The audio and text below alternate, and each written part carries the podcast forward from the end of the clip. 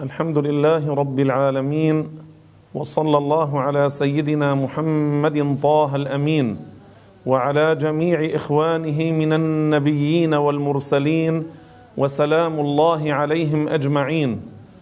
ومما حصل في الإسراء مع نبينا محمد عليه الصلاة والسلام أنه وصل إلى المسجد الأقصى هذا المسجد المبارك العظيم الشريف الذي له المكان العالي عند الأمة. وقد مدحه الله تعالى وذكره في القرآن الكريم. وهذا المسجد الأقصى الذي ورد في هذه الآية سبحان الذي أسرى بعبده ليلا من المسجد الحرام إلى المسجد الأقصى الذي باركنا حوله. قال بعض العلماء إن هذا المسجد الأقصى سمي بالأقصى لبعد مسافته عن مكة المكرمة. والمسجد الأقصى أول من بناه هو آدم عليه الصلاة والسلام كما ثبت ذلك في الحديث الصحيح.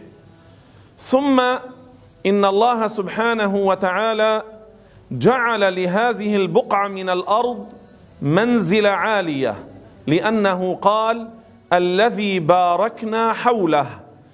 قيل في تفسير هذه الآية لأنه مقر الأنبياء ومهبط الملائكة.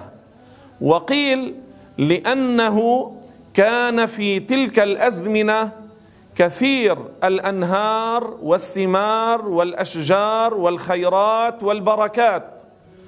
وهذا المسجد الأقصى حصلت فيه أمور عجيبة وغريبة تلك الليلة المباركة.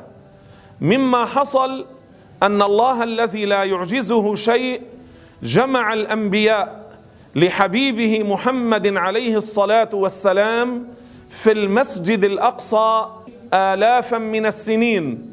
ومع ذلك الله قادر على كل شيء. وهم كما قال الرسول عليه الصلاة والسلام الأنبياء أحياء في قبورهم يصلون رواه الحافظ البيهقي.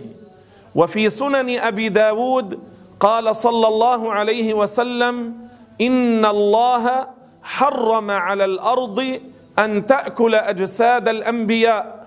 فخرجوا من قبورهم تلك الليلة وجاءوا إلى المسجد الأقصى والمسيح عليه الصلاة والسلام الذي لم يمت بل هو في السماء الثانية كما ثبت في حديث المعراج يصلي مع الملائكة نزل تلك الليلة أي في ليلة الإسراء والمعراج نزل إلى الأرض وجاء إلى المسجد الأقصى.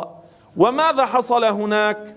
روى النسائي في سننه أن رسول الله صلى الله عليه وسلم قال وجمع لي الأنبياء حتى قدمني جبريل فأممتهم. أي أنه صلى بهم إماما. وهذا من عظيم قدر نبينا محمد صلى الله عليه وسلم. وانتبهوا معي أيها السادة أيها الأحبة الرسول صلى بالأنبياء إماما في المسجد الأقصى في تلك الليلة هذا فيه دليل على أن كل الأنبياء كانوا على عقيدة واحدة كانوا على التوحيد كانوا على الإسلام كانوا على التنزيه ليس فيهم مشرك ليس فيهم كافر ليس فيهم مرتد ليس فيهم من عبد الشمس أو القمر أو النجم أو الحجر. وليس فيهم من شك في قدرة الله وليس فيهم من جاء بغير الإسلام. نفعنا الله بهم ورد الله تعالى هذا المسجد الأقصى العظيم الشريف المبارك للأمة وحفظ فلسطين ولطف بأهلها إنه على كل شيء قدير والحمد لله رب العالمين.